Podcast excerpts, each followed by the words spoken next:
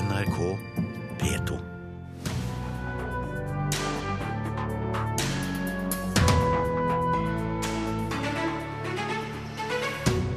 Riksadvokaten vil gi media mer innsyn. Dette kan skremme vitner fra å uttale seg, frykter politiet. En god film som heldigvis handler om mennesket bak maskinene. Vår anmelder har sett den Oscar-nominerte filmen om Apple-grunnlegger Steve Jobs. Er en av Sveriges mest kjente forfattere for tiden like god som mange skal ha det til? Vår litteraturkritiker kommer. i Kulturnytt her i Nyhetsmorgen, hvor også Jo Strømgren kommer. Han har laget et helt dukkehus på scenen til sin versjon av Ibsens Et dukkehjem, og forteller alt om det i løpet av sendingen. Riksadvokaten bekrefter at det vil bli lettere å få innsyn i saker som ligner på den der en mann døde på legevakten i Oslo. Politiet frykter økt innsyn. Det er altså Politiets Fellesforbund som frykter økt innsyn vil gjøre det vanskeligere å få vitner til å stå frem. I desember i fjor slo Høyesterett fast at NRK hadde rett til å få se en overvåkningsvideo fra legevakten i Oslo. Den viser ambulansepersonell som tar kvelertak på en mann som senere døde av skadene. Hvor mye innsyn det blir, det kan jeg ikke si spesifikt nå. Det sier riksadvokat Tor Aksel Busch til NRK. Den såkalte legevaktsaken gjør at Riksadvokaten må lage ny instruks for hva media kan få innsyn i. NRK har vunnet saken i Høyesterett om å få se overvåkingsvideoen som viser et dødsfall på Oslo legevakt. Videoen viser hva som skjedde da en 35 år gammel mann havnet i basketak med to politibetjenter og en ambulansearbeider. Mannen døde av kvelning. Denne høyesterettsdommen, hvor NRK fikk innsyn i en overvåkningsvideo, får nå følger for andre straffesaker mediene ønsker innsyn i. Riksadvokaten må lage nye retningslinjer for behandling av medienes krav om innsyn i straffesaksdokumenter. De var enig i vår tolkning av det norske regelverket, men mente at det ikke harmonerte eh, med den europeiske standard. Målsetningen er at vi skal ha noe klart i løpet av første halvår i år.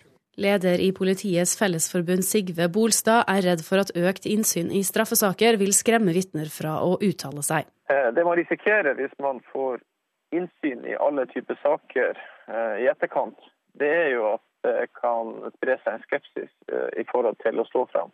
Så det må alltid være en hensikt med det, slik at det ikke innsynet bare er for innsyns skyld, eh, og ikke at, at, det har en hensikt. Men det er klart Hvis praksisen blir veldig utvida i forhold til som praksisen er i dag, så kan det være med på å gjøre Eh, folk mer skeptiske til å eh, stå fram. Men, det, men det, det, handler litt om, eh, om omfanget og hvor, hvor, store endringer man eventuelt har tenkt oss å legge seg på. Advokat Jon Wessel Aas kan ikke se at dette er noe problem. Han representerte Presseforbundet og Redaktørforeningen som partshjelp i høyesterettssaken. For det første så er det slik at når folk forklarer seg for politiet i en etterforskning, så må de jo eh, normalt regne med at det er forklaringer som de vil måtte gjenta i en åpen rettssal når det blir straffesak.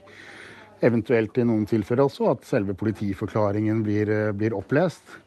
Så eh, det, det, får vi nå se hvordan det blir. Jeg tror, ikke, jeg tror ikke det kommer til å slå til med noen veldig uheldige virkninger. Men nettopp det at påtalemyndigheten nå må begrunne avslag, er en vesentlig endring, sier han. Det er ikke snakk om at det blir innsyn i alle straffesaksdokumenter overhodet. Men det er dette prinsipielle med at man altså må vurdere eh, hvert innsynskrav og, og, begrunne konkret hvorfor man eventuelt ikke gir innsyn. Og det er, eh, det er en veldig vesentlig endring. Og reporter her var Eirin Venås Sivertsen.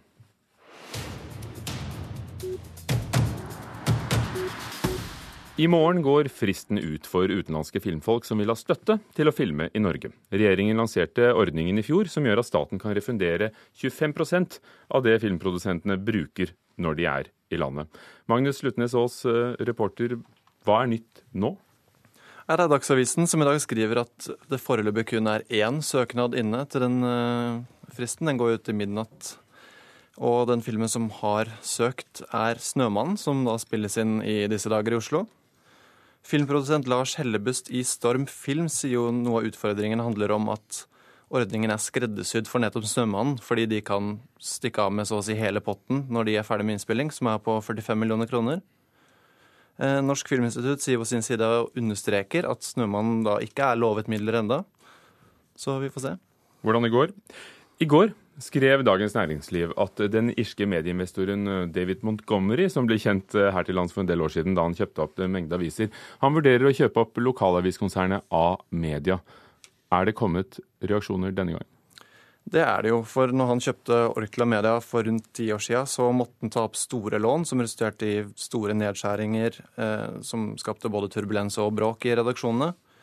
I Dagens Næringsliv i dag sier eh, konserntillitsvalgt i A-media at Montgomery derfor ikke var særlig populær i Norge sist, og håper han har lært av sine feil om han da velger å kjøpe opp A-media nå. Hun sier eh, om Montgomerys plan er å kutte seg til bedre resultater denne gangen også, så er det en feilslått strategi. Eh, det er ikke mulig å kutte mer nå uten å forringe produktene, sier hun.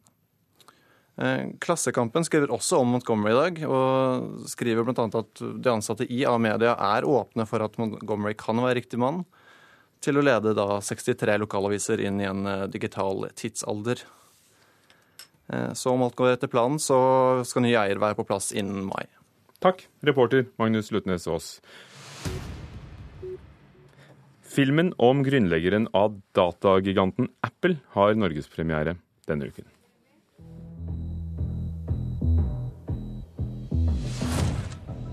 What do you do?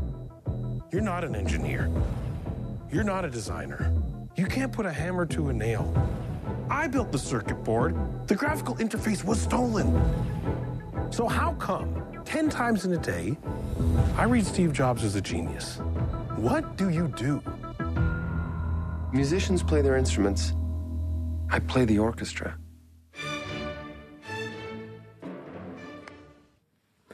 Marte Hedenstad, filmanmelder her i NRK. Du har sett filmen som bare heter Steve Jobs, om eh, mannen som døde for fire år siden, og står bak eh, dette store dataselskapet. Hva syns du? Vet du hva, Jeg syns det her var en veldig interessant film om hvem mannen Steve Jobs eh, var. Fordi, altså dere husker kanskje den filmen uh, som het Job, som kom i 2013, der Ashton Kutcher spilte Steve Jobs. Uh, den fokuserte veldig mye på selve karrieren og hvordan på en måte utviklingen av disse datamaskinene hadde skjedd osv. Det bare droppes helt i uh, denne filmen. Her er det rett og slett bare hvem var mennesket Steve Jobs som er i fokus. Og det er veldig interessant. Den har jo fått Oscar-nominasjoner. Kan du forstå det? Ja, det kan jeg absolutt forstå. Altså, det er jo da eh, Michael Fassbender og Kate Winslet som har fått Oscar-nominasjoner eh, for beste skuespiller, beste mannlige hovedrolle og beste kvinnelige birolle, og det er vel fortjent. Eh, altså, Michael Fassbender han klarer å virkelig være en troverdig Steve Jobs og ikke på en måte bli overkarikert eh, i, i, liksom disse faktene og sånne ting som han var kjent for, men at eh, du kjenner virkelig igjen eh, denne mannen som du har sett på TV osv. tidligere. Um, og det er jo en veldig, veldig god dialog skrevet av Aaron Sorkin uh, i uh, filmen her. En veldig sånn snappy, rask, uh, kranglete ofte dialog som fungerer veldig, veldig godt mellom Kate Winslet og Fassbender. Aaron Sorkin var jo også han som skrev The Social Network mm. om Facebook-grunnleggeren, så det er blitt noe av hans spesialitet. Og, og Michael Fassbender, det, han kan man jo risikere å se på gaten i Oslo, for han er jo her for å spille inn Snømann, som vi akkurat hørte om. Ja. Jan Omdal, du skriver om teknologi og kultur i Dagens Næringsliv og også i Dagbladet. Du har ennå ikke fått sett filmen. Hvilke forventninger har du?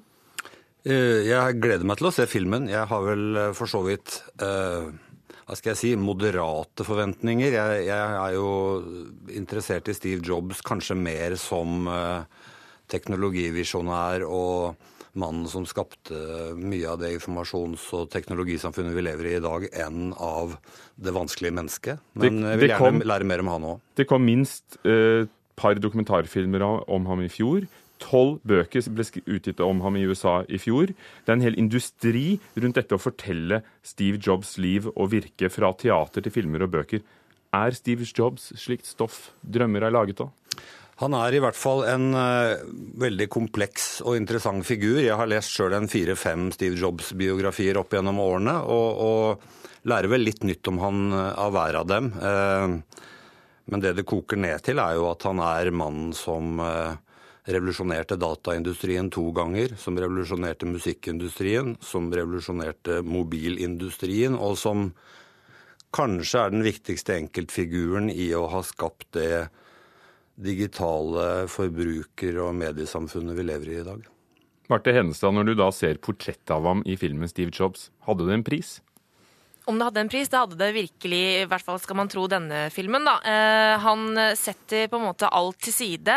Eh, han har en datter som han først ikke vil vedkjenne seg, eh, og som han etter hvert på en måte vedkjenner seg, men eh, på en måte ikke bruker mye tid på, fordi det er karrieren som, som er alt. Og det jeg får inntrykk av basert på denne filmen, eh, det er jo at han på en måte hadde et ekstremt sterkt ønske om å på en måte stå igjen i historien som en som hadde skapt noe veldig, virke, veldig viktig.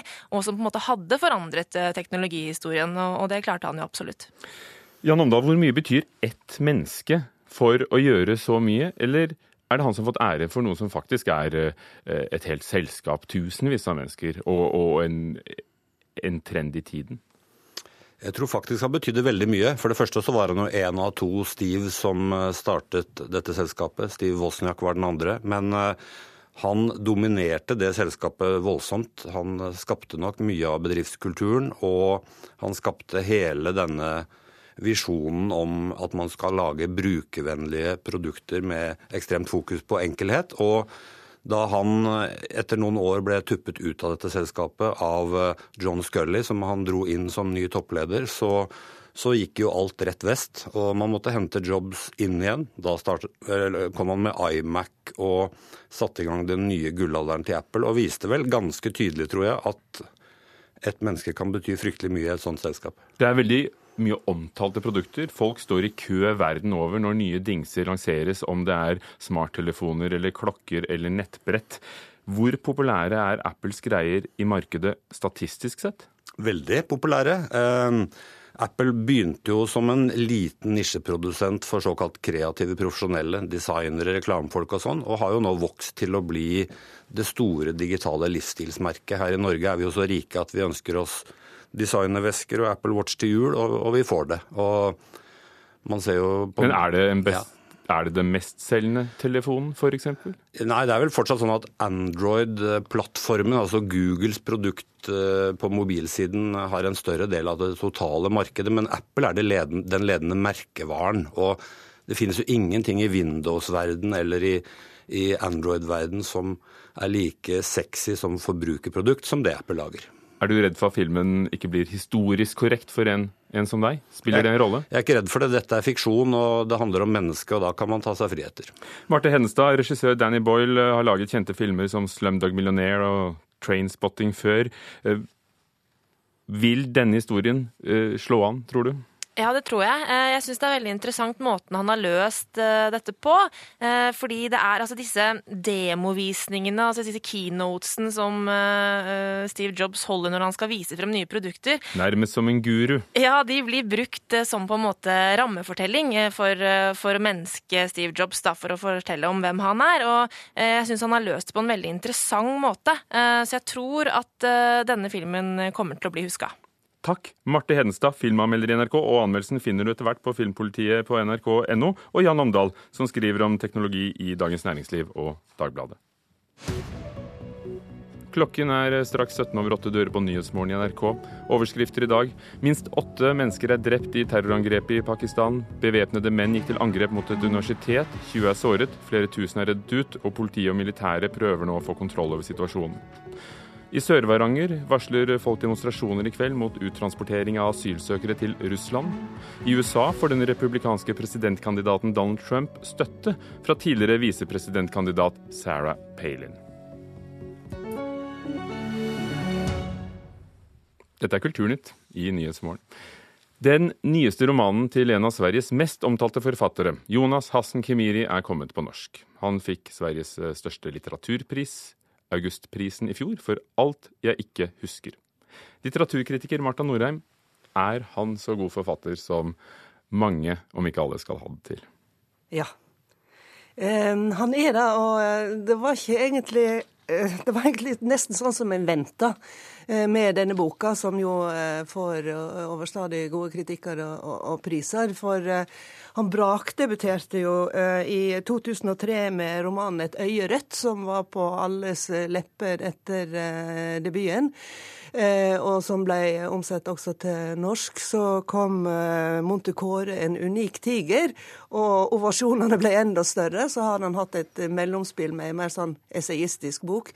Og så kommer denne her. Så du, du venter deg noe storslått når du åpner en bok av Jonas Hassen Kemiri.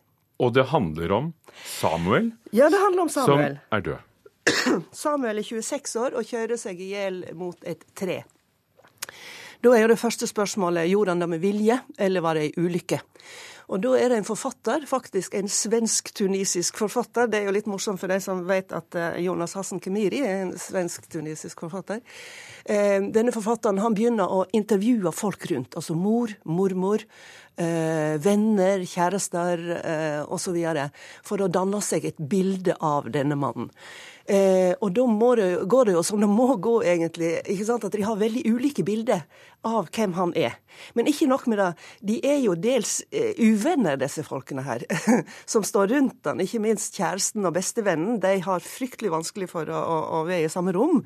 Eh, så de undergraver jo tilliten til den andre personen hele tida når de snakker med forfatteren og Sier nei, vi må ikke tro på han, eh, han kameraten, for han er jo bare en eh, boler og en voldelig kar, og så sier denne bolaren og voldelige karen som er bestekompisen, du må jo ikke tro på den kjæresten hans, for at hun ville jo bare gjøre han om til en liten småborger. Altså, de, de undergraver hele tida tilliten til de andres bilder, og vi ser også hvordan denne mistilliten de imellom smitter over på Samuel. sånn at det er, en, det er ikke bare liksom en mosaikk, men det er et veldig dynamisk bilde du får eh, både av han og, og av eh, omlandet rundt han, det sosiale omlandet.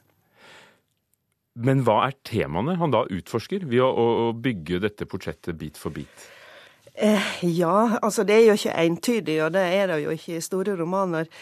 Men eh, på et veldig allment plan så handler det jo om at vi kan være veldig ulike personer i møte med andre, og hvordan det sosiale er noe som, som, påvirker den enkelte. At det, at det er noen sos, sosiale dynamikker, det høres litt rart ut. Men, men, men rett og slett eh, møtet med en annen person eh, forandrer deg og møte med noen andre personer, så går du i andre retninger. Altså den, den prosessen er han opptatt av. Og også det veldig såre og vanskelige med det at når du, når du blir glad i noen andre, så er det så fryktelig lett å bli såra.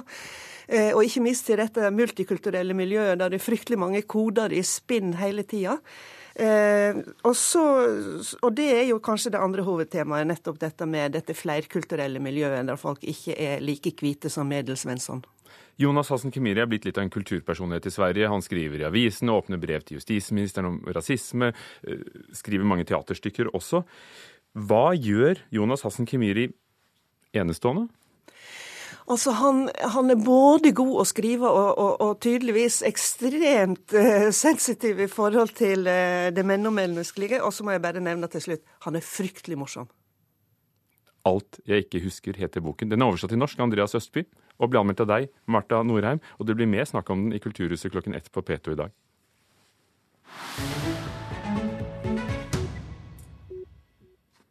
So Far Sounds arrangerer hemmelige konserter, selvfølgelig på hemmelige steder.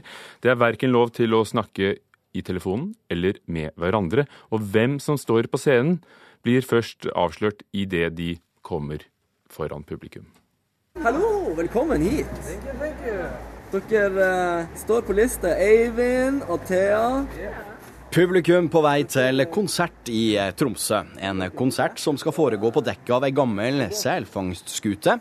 Vi vet ikke hvem artisten er, vi får ikke prate underveis, og mobiltelefonen, den skal ligge i lomma. Agnete Ryeng er spent publikummer. Nei, Vi snakka om det rett før vi kom hit og syns det er dødskult. Det er første gangen, og det er veldig artig. Plages du av at folk prater mye på konsert? Ja, faktisk. Og mobiltelefoner som står i veien, og folk står og prater om eh, sine problemer mens jeg er og vil høre på musikken. Så det er et kjent problem. Okay. Welcome to Sofa Sounds. This is a very exciting night for Tromsø, I guess. Prosjektet kalles So Far Sounds og har sin opprinnelse i London.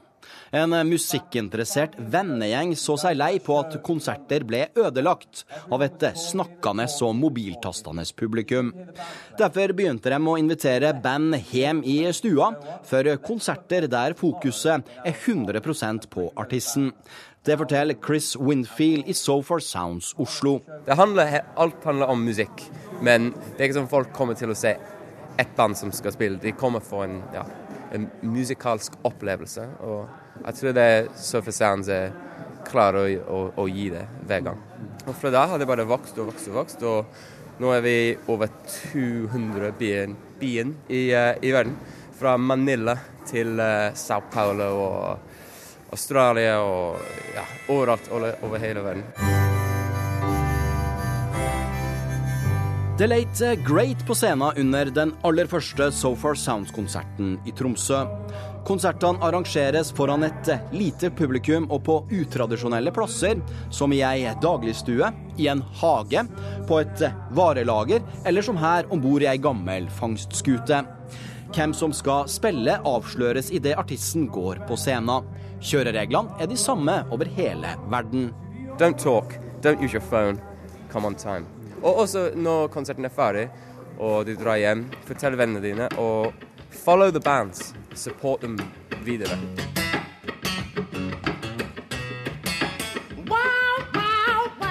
Det du hører her, er Jarle Bernhoft under en So Far Sounds-konsert i London i 2010.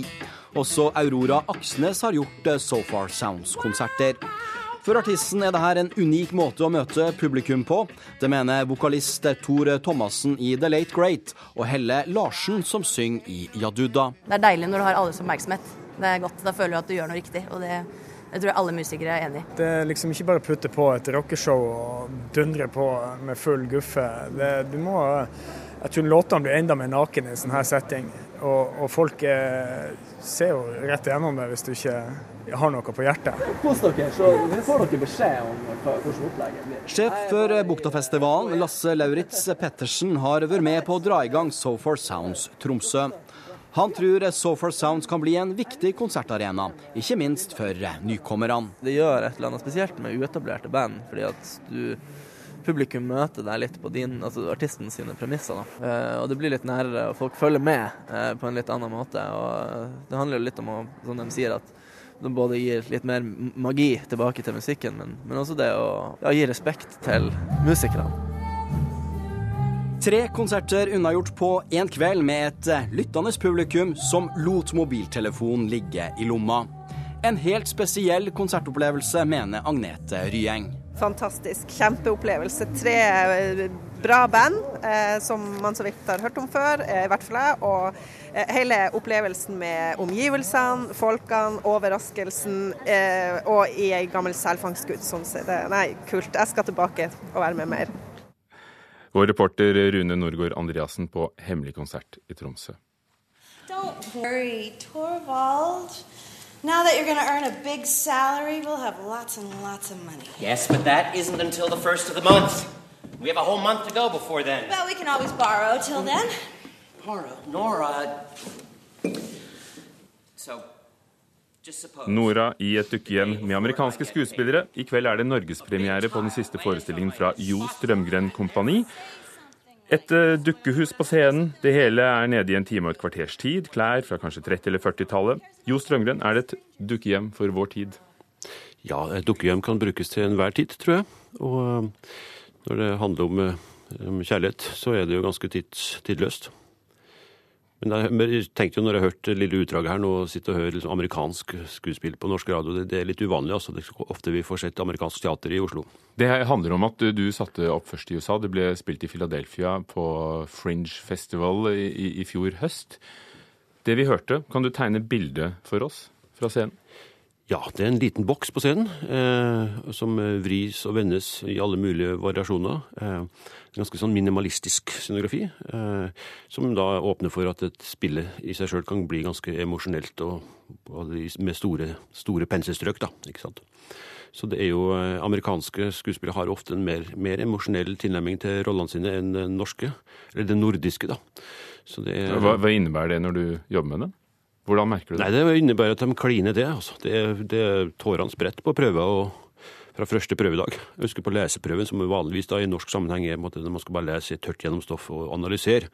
Så det i Amerika så, så husker jeg da kom det jo tårene med en gang, vet du, fra Nora Helmer.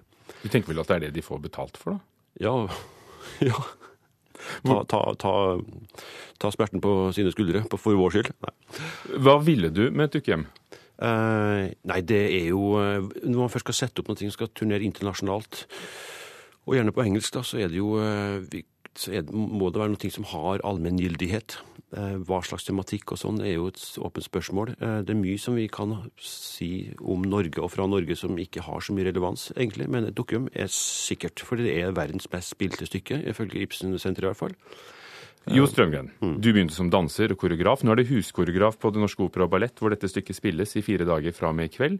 Samtidig er det premiere i morgen på Shakespeares mest spilte komedie, En midtsommernattrøm, på Riksteatret, som skal turnere land og strand rundt. Så etter hvert er du jo like mye regissør som koreograf. Hvordan fordeler du virkemidlene språk, tårer, dans, eh, kjent for kaudervelsk-språket som du noen gang har brukt i dine egne oppsetninger? Hvordan, hvordan porsjonerer du det ut med så mange forestillinger? Uh, Nei, det er jo spennende. I gamle dager så var det jo Ordtaket var jo 'skomaker bli ved din lest'. Man skulle lære seg ett yrke og holde seg til det.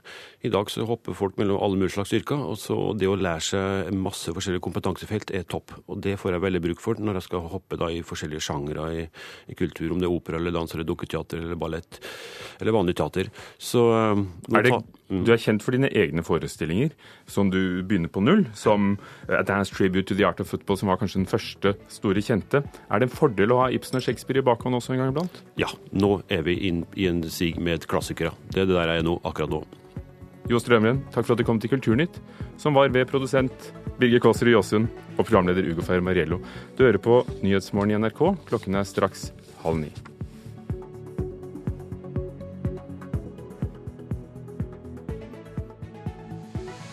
Hør flere podkaster på nrk.no podkast.